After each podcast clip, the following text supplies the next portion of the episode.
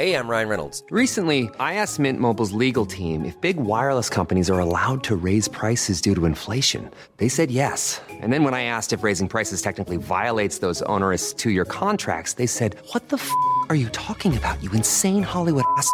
F- So to recap, we're cutting the price of Mint Unlimited from $30 a month to just $15 a month. Give it a try at mintmobile.com slash switch. $45 upfront for three months plus taxes and fees. Promo rate for new customers for limited time. Unlimited more than 40 gigabytes per month. Slows. Full terms at mintmobile.com.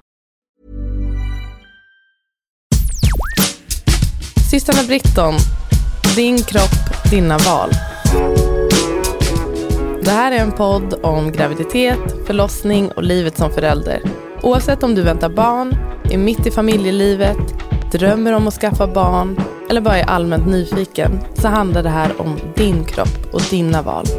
Vi hoppas kunna hjälpa dig att göra medvetna, informerade val när det kommer till din kropp. Du lyssnar på systrarna Britton, din kropp, dina val. Med mig och Kokwa. Och med mig, Asabia. Hej guys, ni lyssnar på systrarna Britton. Opo fixar sitt barn och sin tutte här. Um, uh, Asabi heter jag om ingen vet det. Eller om ni inte vet det. Jag har den lite gällare rösten. Och den här ljuvliga rösten ni kommer höra. som heter. Exakt. Det är jag som är Opokwa. Och Fokwa, stora syster till mig. Och lilla syster till Elisabeth. Ja, ja, Opo. Är du redo att podda ännu en gång? Vi har ätit en god lunch här på ett ställe i närheten. Vi skulle gå, gått och boxas. Men, ja, du Fan, vet det det. hade jag velat komma ihåg. Mm. Ja, det var i alla fall väldigt gott. det var god pasta. Vi skulle ha gått och tränat men eh, det var tydligen, vi hade tagit fel på tiden. Så gick vi och åt pasta istället. Det var inte Verkligen. mig emot. Nej, det var faktiskt Nej, jättetrevligt. var jättetrevligt. En promptu lunch. Hur mår du? Jag mår bra tack. Jag, är, jag känner mig så relieved att jag är på den här delen av dagen. För jag var så nervös över mitt eh, doula-samtal som jag skulle ha i morse. Aha, varför var du nervös för Att det? jag var så här, jag, kommer jag ihåg vad man pratade om? Tänk om jag inte har något att säga i en och en halv timme. Och, Är det, alltså när du har doula-samtal, är det du som håller låda i en och en halv timme? nej men det är väl jag, alltså Du ska leda samtalet. ja precis. Och jag är nervös varenda gång. Mhm. Och kanske ännu mer nu när jag inte har gjort det på några månader. Hur gick det då? Men det gick jättebra. Mm. Det brukar ju gå bra liksom. Vad säger du typ? Alltså hur inleder du? Idag ska vi prata om, eller? Ja, men kanske lite så. Eh, nu hade jag pratat med den ena men inte med den andra. Alltså föräldern som inte ska föda hade jag inte pratat med tidigare. Så då ja, det kan du berätta lite om dig själv. Ehm, ja, så, så blir det oftast ganska naturligt. Mm. Det är som att det flyter på. Och, så, så ja, ja, typ Är som det vanligt. pirrigt? Eller förlåt, som Så vanligt. går tiden och så har man inte hunnit klart med allt jag hade Nej, tänkt. precis.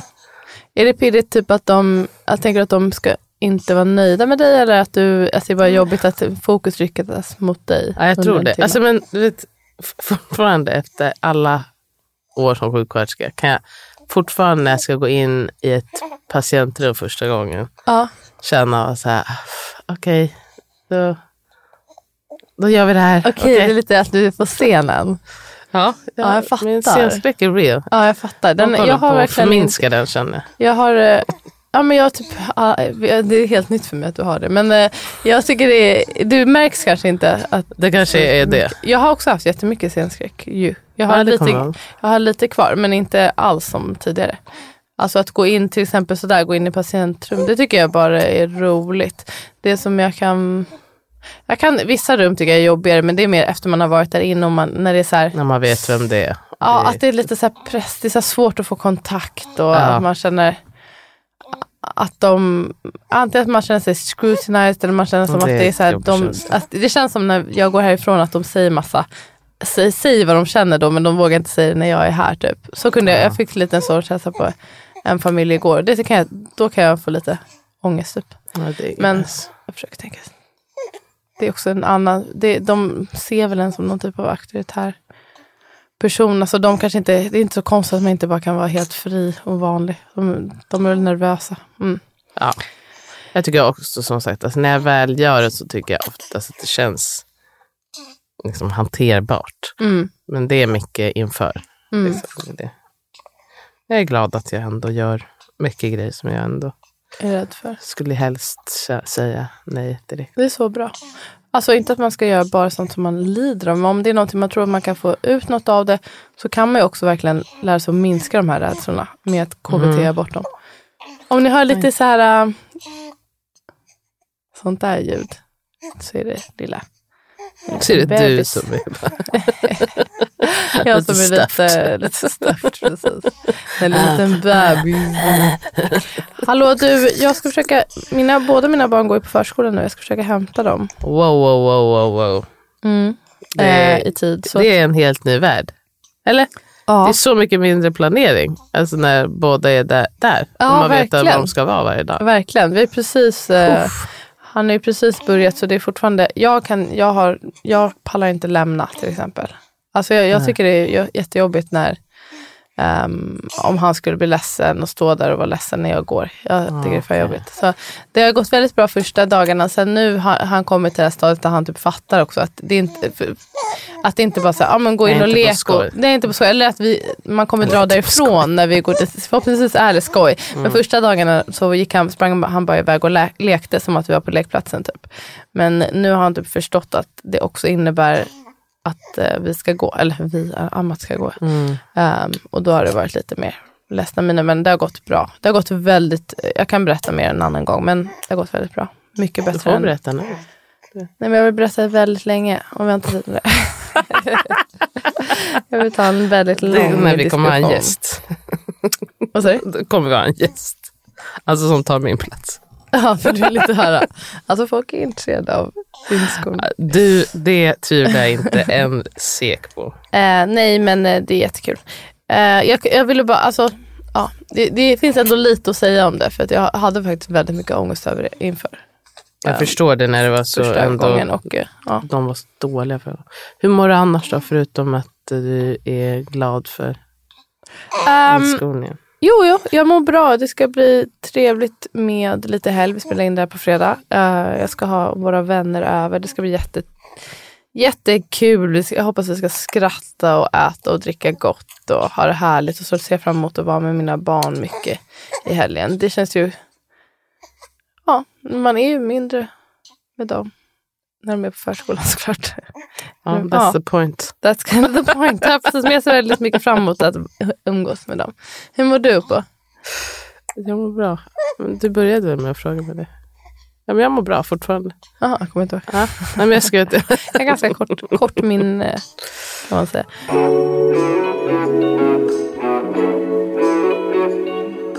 Ehm, då ska vi ha frågelåda idag tänkte vi. Men nästa avsnitt då vill jag att vi ska prata lite abortgrejen. Det känns Ja. som att vi ska... ehm, att man har mycket att delve in kring det. Men idag blir det lite lättsammare, lite enklare, lite frågelåda. Vi har fått lite lyssnarfrågor. Ska jag fire away? Jag gör med en det. fråga. Jag har skrivit, eh, liksom tagit ett gäng av dem så kör vi bara. Har ni varit avundsjuka på varandra i ett systerskap någon gång? I våra 35 liv. Ja, ja, 35 år. Ja, det är absolut. Säkert hur jävla många gånger som helst. Eller vadå? Ja, alltså vi är syster, ja. Jättekonstigt. Om vi, eller jättekonstigt. De kanske, de kanske typ tänker mer i vuxen ålder. Men, eller jag vet inte vad man tänker. Det, eller det känns ju väldigt självklart att om man har växt upp tillsammans. Ja, vi är liksom ett du år fick emellan. det och jag fick inte det. Och du, jag har alltid tyckt att du var den vackra och var bara för tråkigt att jag fick bli den Och kloka. jag, ja, men jag tyckte också att det var ganska jobbigt att, jag också att du är var väldigt den vacker. vackra. Men, jag tyckte det var verkligen en stor last att jag alla var du är så vacker, du är så vacker. Men va, du sa var en gång någonting. Jag skojar, alltså det, jag skulle inte säga en, en snäll, en ödmjuk sak här. Något om att, eh, nej men att alla alltid ska tycka att, jag är den, att du är den snygga och att jag är den smart och att du är visst också smart. Ja men det var det jag skulle säga. Ja. Alltså, jag skulle, det, det är väl en sån sak att jag, och det har jag tampats med väldigt länge och det är typ bara nyligen som jag väl har kommit över det lite grann. Att eh, jag har känt mig som den eh, ointelligenta, inte bara med dig men i vår familj där alla är så här, jag tycker alla är ganska learned och akademiker och så. Och, eh, men gentemot dig också, det är en sån sak. Jag vet inte om det räknas som avundsjuka direkt eller men också så här små, du har fått det här och jag fick inte det här. Eller en grej som vi pratade med vår stora syster om igår med resor. Att man Att du har fått så mycket mer resor än oss. Det är en, en liksom tolkningsfråga men absolut. Ni, ni Eh, tycker man att kan, jag har man fått kan så räkna mycket. matte. Kan man räkna? Ett, två, tre, fyra. Ja, ja. Då kan man. Ja, mina systrar tycker att jag tydligen har åkt på många resor med mina föräldrar. Men Visst. alltså det, de är väldigt avundsjuka på det. Mm. ja, men svar ja, vi är absolut avundsjuka. Och det, jag tror Vi att det, är avundsjuka. Inte nu. Nej, nej. Vi har varit. Ja, vi har varit i våra liv. Nu känner jag faktiskt ingen avundsjuka. För det är också inte heller, det är en annan sak när man växer upp när det, man är under sina föräldrars eh, rule på ett annat sätt. Och också att folk jämförde oss tycker jag ganska mycket. Eftersom vi är så nära i ålder, Mm. vi, man så här hyfsat lika, har, man bara jämförs väldigt mycket. Ja. Då tycker jag det är ett ganska bra upplägg för att också bli avundsjuka på varandra. Så eller jämföra sig med den andra. När var du sist avundsjuk på mig? Kommer du ihåg?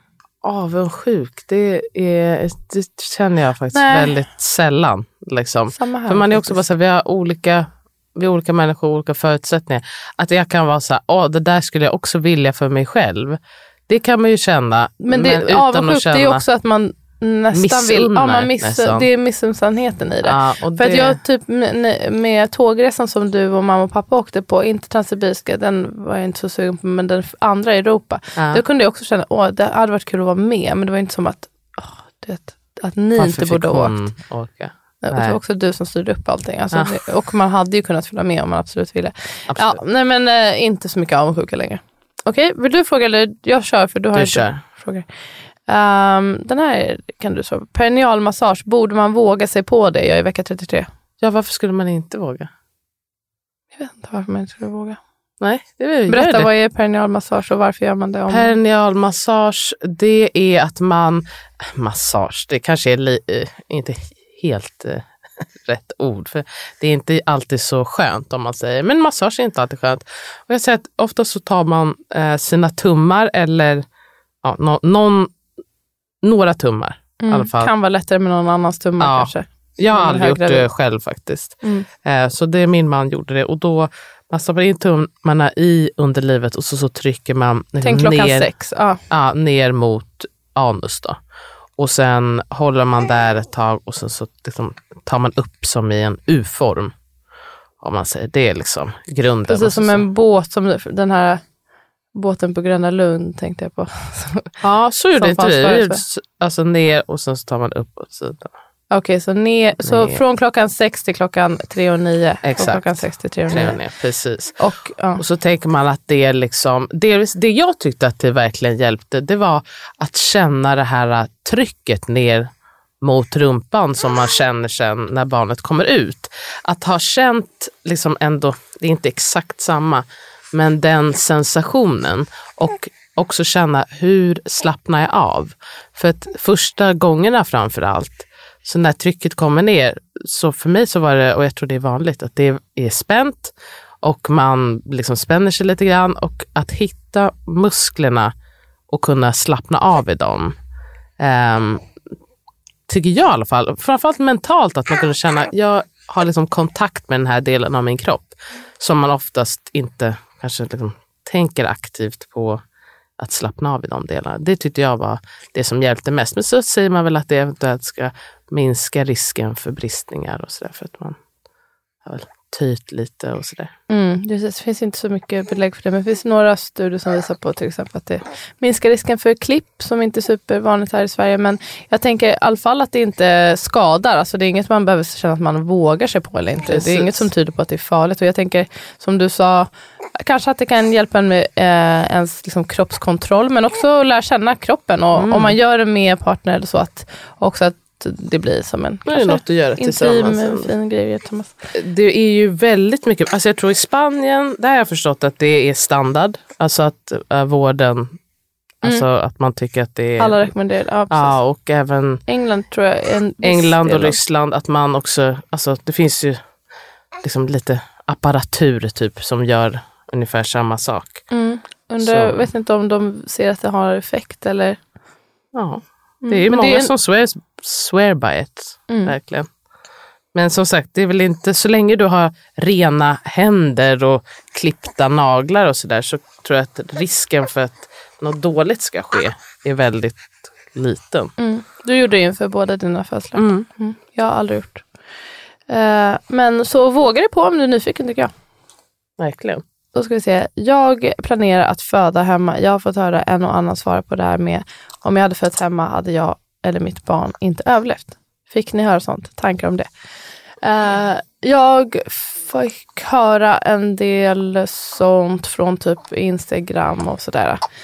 Um, jag tror att det är ganska vanlig, en vanlig tanke hos vissa som inte vet så mycket om hemfödsel. Jag, det jag tänker om det är framförallt att det inte alls är läge att säga så till en person som har bestämt sig för att föda hemma. Ja. Jag tycker inte man ska ens eh, prata i sådana... eh, Jag tycker inte man behöver prata om sina rädslor eller negativa upplevelser med en gravid person. Ja.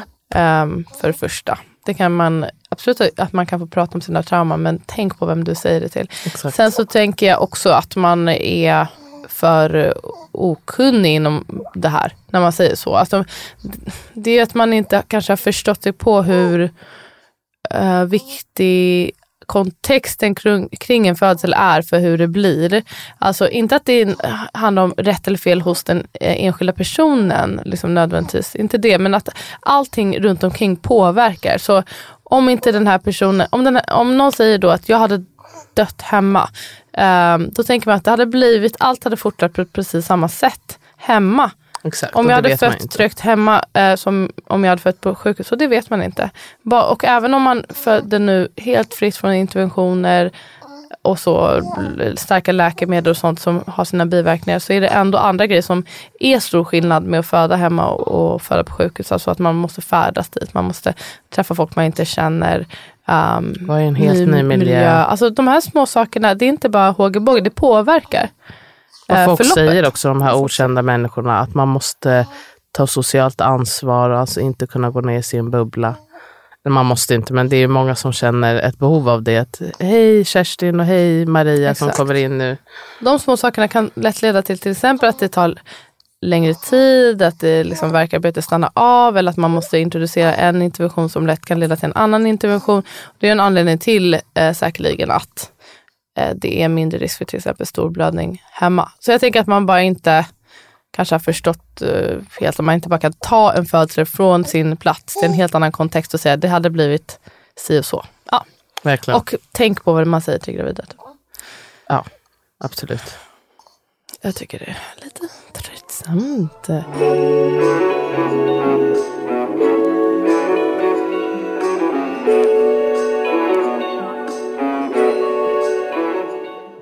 Vilka var era intressen som liten? Varandra ändå var ju ganska stort intresse. Mm.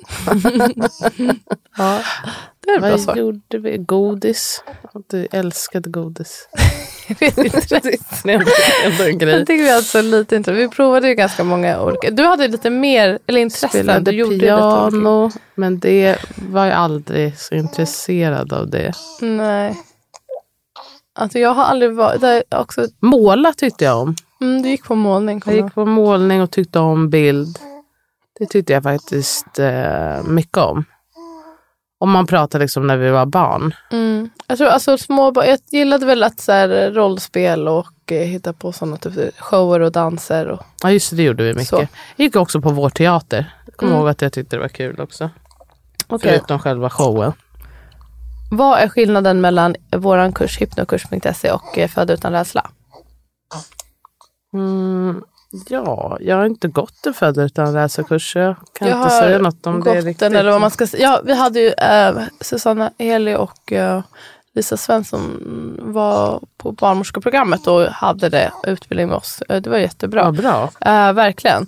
Jag tror att den stora skillnaden är väl dels eh, fokus, det har pratat vi om tidigare idag, fokus på ehm, att öva i hypnobirthing. Att det är mer liksom ska vara integrerat i ens eh, dagliga liv och man ska liksom öva på det. Att det inte ska vara kanske bara redskap man tar fram under födseln utan det är något som man ska öva på att kunna ta fram Precis. lätt. Och om, det, om frågan är kanske lite mer, eller liksom det, det jag kan svara på är, det var skillnaden mellan född utan rädsla och eh, hypnobreathing, Ja. inte kanske vår kurs Nej. specifikt, är just som du säger det här med övning, men också att det är, min uppfattning i alla fall, är det liksom att man tar in helheten lite mer. Att man pratar om liksom, vad händer under graviditeten, vad kan man göra för att få en liksom, både bra graviditet, födsel och tid efter. Mm. Medan min uppfattning av Född utan rädsla är att det, det är verktyg för födseln. Mm, ja just det, precis. Det är det. En bra grej med Föda utan rädsla är att den är så känd och många barnmorskor känner Exakt. till det. Så man kan få Ehm, mycket stöd av personalen. Så det är bra. Mm, Ja, det ehm, är väl de stora skillnaderna. Ehm, jag fick endast tre små skrubbsår när jag födde min dotter då jag var förstföderska. Är rädd att brista vid ett eventuellt andra barn för det gick så bra sist. Eller är Ja. risken mindre? Här- En sån här diskussion har jag haft väldigt nyligen. Ah, Okej, vad intressant. Vad Ehm, tänker du om det? Eh, alltså jag tänker att, ja, ja, ja, om det är så att du är rädd för bristningar, jag förstår att du är då rädd den här gången också. Men det som jag flaggade för i samtalet jag hade, eh, det var att liksom frågade, är det så att du har lagt någon prestige i att du liksom lyckades inte få någon bristning förra gången, att du kommer tycka att du har failed på något sätt om du får en bristning andra gången. Ehm, det är värt att fundera över det. Är du, är, du, är du rädd att du ska få en stor bristning? Är det det som är bekymret? Eller liksom, vad, vad, är, vad är det du oroar dig för? Så att Mm. säga, egentligen. Och det är väl inte som att det är en större risk att få bristning, och Alltså, en det är- större bristning andra Det är gången. betydligt mindre risk. Ja, Det är väl det jag skulle något. vilja säga. Det är, alltså, att eh, vara, om, att vara förstföderska är ju en ganska stor riskfaktor för bristningar i sig. Så det är mycket mindre risk andra gången, särskilt om eh, du hade en liten bristning första gången. Men jag tänker, det, jag tänker mer att det är person kanske lite vidskeplig som jag, att man är så här, Ja men att man typ har, för, ja men som att säga att det gick så bra sist som man typ har förbrukat den bra any Nej men jag vet, det makes ingen sense. Men jag, det svaret eh, som jag säger, ja det var ett bra svar. Fundera på varför du tänker så men eh, risken om man ska titta statistiskt är betydligt mindre. Ja. Eh, försök välja en avlastande ställning, eh, sikta på ett långsamt framfödande, känn på barnet när den är på väg ut. Det är mitt tips. Föd Yes. vatten om du kan. Jobba mig igenom mer hypnokurs men tycker uppåtandning är så svår.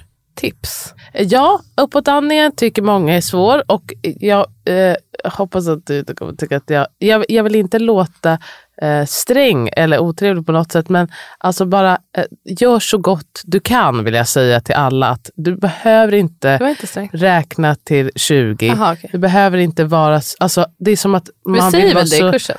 vi säger det i kursen, men ändå skriver folk och frågar, liksom, det är så jobbigt att, att liksom räkna till 20. Du behöver inte, jag sagt, säger, säger det och jag säger det igen, att försök att andas in djupt och långsamt. In genom näsan, ut genom näsan om möjligt. Om du hellre vill andas ut genom munnen så gör du det. Om du bara kan räkna till 10 så gör du det. Det är mer att tänka uppåt, liksom tänk hur cervix öppnar sig, ha liksom en visualise alltså visualisera öppningen och att och visualisera uppåt och andas liksom in i magen så att magen lyfts lugnt och stillsamt och ut, ner stillsamt. Om du räknar till 5 eller till 20 spelar inte någon större roll. Och vill du inte räkna överhuvudtaget för att du känner dig stressad av det, så gör inte det utan bara andas in lugnt. In i magen, lyft magen och tänk upp. Och sen släpp andetaget lugnt och stillsamt. Bra. Om ni som inte vet vad uppåtandning är så är det en del. Så köp kursen. Okej. Hypnokurs.se. Perfekt. Uh, Okej, köp kursen. Ehm, hur får jag svar av min man om ett till barn? Han undviker frågan varje gång. Första var IVF, sen två missfall. Alla runt omkring mig frågar hela tiden om när nästa barn kommer. Eller blir det inga fler barn? Jag blir så ledsen. För det första, jättetufft att folk håller på och frågar hela tiden. Särskilt när det var IVF och två missfall. Folk Mm, kanske inte vet det. men kanske inte det, men- kanske. Också, men det här har vi ju pratat om förut, tidigare, att men- folk ska lite mind their own business. För att det Snälla, kan vara fett med känsligt. Alltså, Ska du skaffa be den andra personen barn? Ja. fråga. Eh, berätta. Eller den andra personen kommer berätta om den vill berätta. Det kan vara en jättekänslig fråga. Så. Exakt. Om inte ni är väldigt tight så skippa frågan. Och så tänker jag att, alltså, i alla fall det jag gjorde, att jag skulle bara vara väldigt direkt. Att Mm. så här, jag vill ha mera barn. Kan vi ha den diskussionen? Jag behöver veta om du vill eller inte. Och så, så Om liksom, vill du inte? I'm cut. Exakt. Nej, men jag menar, och det kan ju vara så att personen kanske inte vill och vill inte säga det till dig. Mm. Så kan det vara, men åtminstone, alltså man känner att nu är ni i en relation och du åtminstone skyllde mig en konversation. Men verkligen. För undvika, då, då, då anar man ju... Antingen känner han så här, jag vet inte. Ja. Eller så känner han, jag vill inte. Exakt. Är, är det jag tänker. Han känner antagligen inte yes jag vill just nu. För då hade man nog kunnat säga det. Men säg det då istället. Säg. Låt inte, Ha en och så kan personen lita på att, eh, att jag är vuxen nog att ta ditt svar. Och vi kan Exakt. diskutera det. Så precis, var direkt tänker jag också.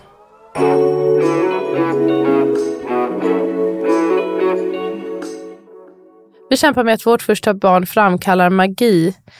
Alltså existentiell mindblowing magi eh, hos mig medan för min man känns det mesta som vanligt. Han älskar barnet på ett lågmält sätt typ. Det är jobbigt för båda. Jag tänker, jag, skulle, jag är nyfiken på hur gammal det här barnet är. Jag antar att det är en, ett, eh, ett Nyfödd. relativt nyfött barn. Och jag tänker att dels man har olika sätt att känna saker på och Ja. olika sätt att visa kärlek på. Och särskilt när det är ett nyfött barn eh, att man kan också få ge det lite tid. Alltså, ju mer de får en chans att umgås och lära känna varandra så tror jag att det kommer bli bra. Jag tycker man gör sig själv en otjänst och håller på att jämföra Mm. hur den andra känner inför barnet. Ni, ni måste inte känna samma. Och det, exakt. Det, Man om, kan ha kärlek på olika sätt. om det är så att man vet det, att båda älskar barnet och båda gör vad de kan för barnet, då måste ju det få räcka. Man, jag tycker det är också ganska svårt att förvänta sig av någon, eller om man ska säga det, som kräva av någon att de ska liksom tycka att barnet är magi. Alltså, Nej precis. Alltså, det det, det, man hade ju också tycka. kunnat vara hon som inte kände det. Ja. Alltså det, det, alla känner inte de känslorna och det är också svårt för att det är inte så mycket att göra åt. Förutom att umgås med barnet, det tror jag är key för, alltså vara med barnet och det kan det ju finnas tid för.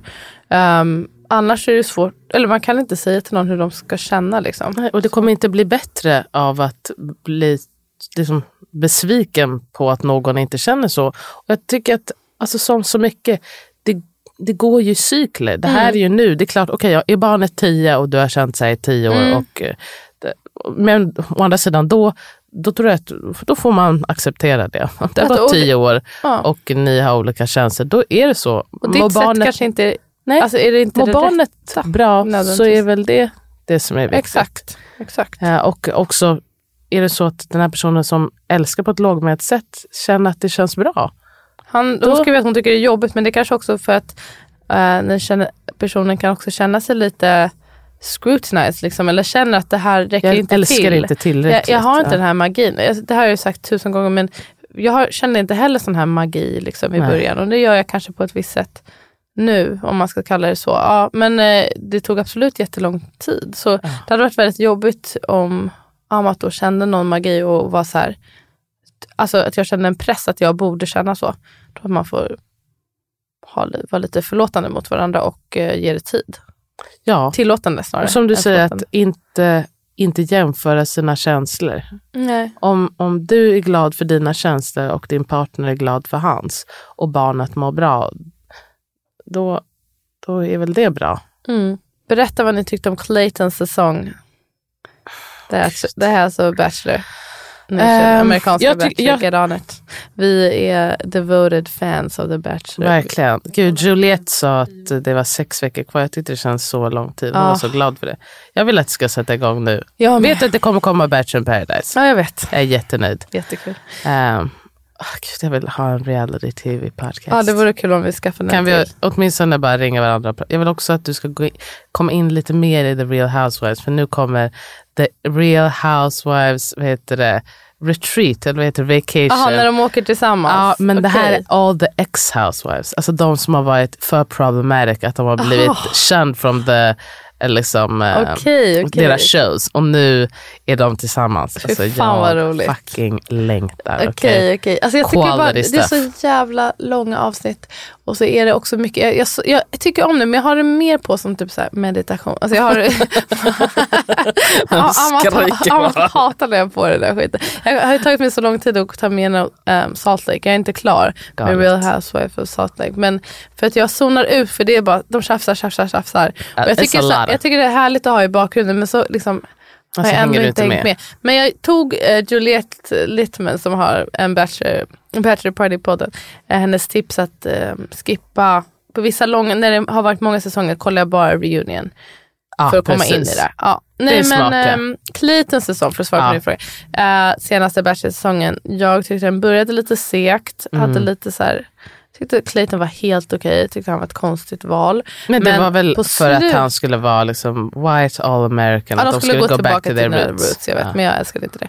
Ehm, men på slutet var det ju guld. Det är jättekul. Det var också, jag det. gillade att de reste lite mer. Åh, det var är underbart. tråkigt Un- det var ju att fett på- nice att de Ja. började resa. Tog sig bort från så här tråkiga När de är på ett estate. Alltså det är Pandemi inte Bachelor kul. var, man kämpade Det sig igenom det men det var väldigt tufft. En Men det var väldigt kul på slutet. Jag tycker det var några väldigt bra contestants. Jag älskade Gabby. Det ska bli väldigt kul att se henne som Bachelorette. Jag är jätteval. Kul att de valde henne. Däremot varför de valde Rachel, beyond me. Jag, All American, hon var också typ, jag tror hon var omtyckt. eh, Ja. Okej, vad är det mest utmanande för dig som förälder? tålamod. Mm. Jag jobbar på det mycket. Jag eh, eh, heter, Hur jobbar, hur jobbar du på det? Eh, dels att jag mediterar. Mm. Att jag eh, liksom, att jag, jag försöker ju verkligen liksom take a step back och att jag, när jag misslyckas, att jag har, liksom är ännu snabbare på att komma på att nu handlar det här om att jag hade dåligt tålamod, inte att eh, liksom mitt barn gjorde något fel. Eh, och att jag ber om ursäkt och att, eh, liksom att jag också, ja, men att jag försöker åtminstone se vad jag har gjort och att liksom gå igenom det lite grann så att jag förhoppningsvis ska göra lite mindre misstag till nästa gång.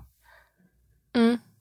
Och sen följer jag liksom lite konton och så här, så ge tips och ja, lite sådär. mm, vi, där, ett avsnitt där vi inte eh, sände, då pratade du lite om det med så här, ens triggers och så, att man identifierar ens triggers för dåligt tålamod, och, eller när man tappar tålamodet helt enkelt. Och, att försöka liksom analysera det lite sen Mm. och eh, ja, men, identifiera vad som triggar en.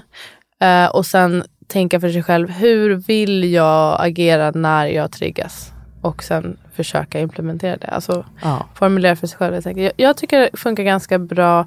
Dels det, men också att eh, ehm, när, när jag börjar känna, alltså det brukar oftast inte gå från en sekund till en annan, men när jag börjar känna tålam, att jag börjar tappa tålamod, att jag säger det också högt och Ja. på ett schysst sätt. Så här. Men nu, in, inte liksom när jag redan är ganska irriterad, utan så här, nu känner jag att jag börjar snart tappa tålamodet. Och, Ja. så här, jag, och om jag gör det, då kommer det bli så här och så här. Och det är inte kul. Kan vi inte göra så här istället? Och, och, det funkar inte alltid. Men nu, det här är ju med min, mitt äldre barn. Det beror på barnets ålder. Men det kan funka ganska bra. Det brukar jag också göra De-escalate. faktiskt. Mm. Alltså att jag säger att jag, nu håller jag på att bli irriterad, kan vi inte skippa det? Så att det inte... Jag tycker det faktiskt funkar, ofta också för mitt barn, att hon vill ju inte det. Så då Nej. slutar hon ju liksom vad det nu är. Eller Mm. sådär att jag också, utan att liksom bli långrandig, försöka förklara lite. Och att ibland säger jag helt enkelt att jag är bara så trött, jag, jag har inte samma tålamod Exakt. som jag brukar ha. Mm. Jag, jag är ledsen för det, liksom. men eh, så är det just nu och det kommer att, att bli bättre. Och att jag säger till henne också att det är en förändring för oss allihopa.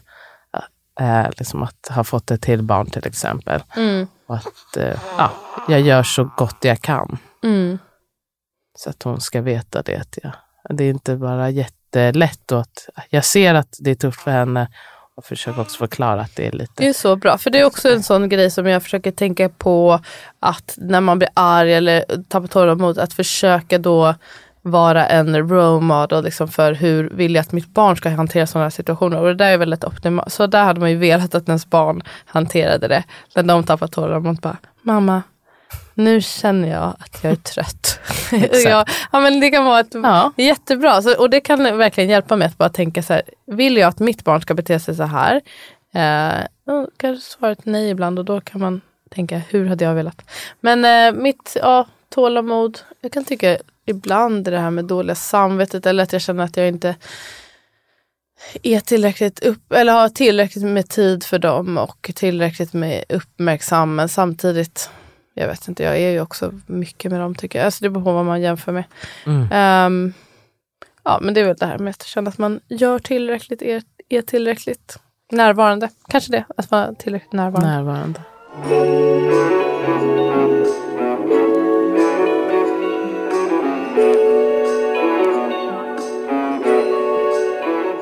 Berätta något smarrigt som hänt på senaste som får er att skratta. Älskar att höra er flabba. Jag kan inte göra sånt där på commando, tyvärr. Nej. Men har du något på? Få mig att skratta Nej. nu. Nej, det har jag inte. Ja, inte heller. Jag Något smarrigt. Jag ska komma på till nästa Jo, gång. vet du vad? Jag, jag, jag skrattar i alla fall. Okej. Inombords men också ännu mer efteråt. Utombords. Eh, igår så var jag och gjorde pedikyr och tyvärr så kunde det inte ordnas att någon skulle ta Fredde så jag hade honom med mig. Och så måste jag liksom omedvetet ha ammat på ett bröst mycket för du vet när man känner att de rör på sig och så bara, det är ju faktiskt skitont i mitt bröst. Så då skulle jag ju amma amma honom. Och då satt han i sjalen.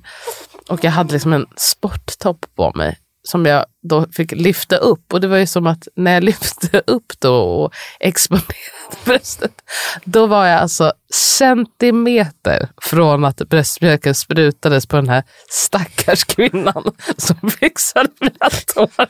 Hon såg så jävla förfärad ut och jag skämdes jävla mycket. Och jag nästan med tvång stoppade tutten i en sovande eh, bebis. För att han sov ju så han var liksom inte, inte ret. Och det var bara verkligen bröstmjölk överallt och det bara sprutade med sån kraft och vigör. Stackarn. Då- måste dricksa då riktigt ordentligt. Ja, hon grejen att hon var så här, så skrattade hon. Liksom, men, ah, jag bara, det hade varit, jag hade absolut avlidit. Det är vissa om som hade hon- betalat mycket pengar för det. Jag tror inte hon är en av dem, inte på arbetstid. Nej, Jag kände var något bara, ah, smarrigt. det här var ändå, this was something. Och då påminde vår syrra, jag berättade det för henne, att det var någon tydligen som hade gjort det och blivit anmäld. Mhm. Alltså någon som hade sagt till en kvinna att du, får inte, du går in på toaletten och amma Mm. typ.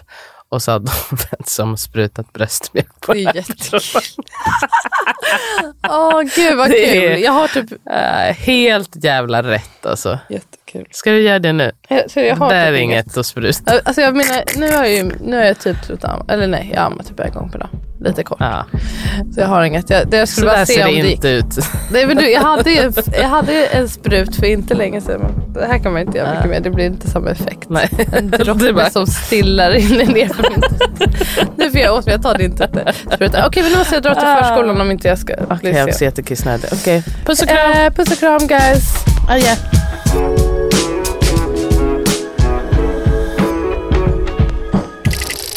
Du har lyssnat på en podcast producerad av Ami och Fanna Produktion.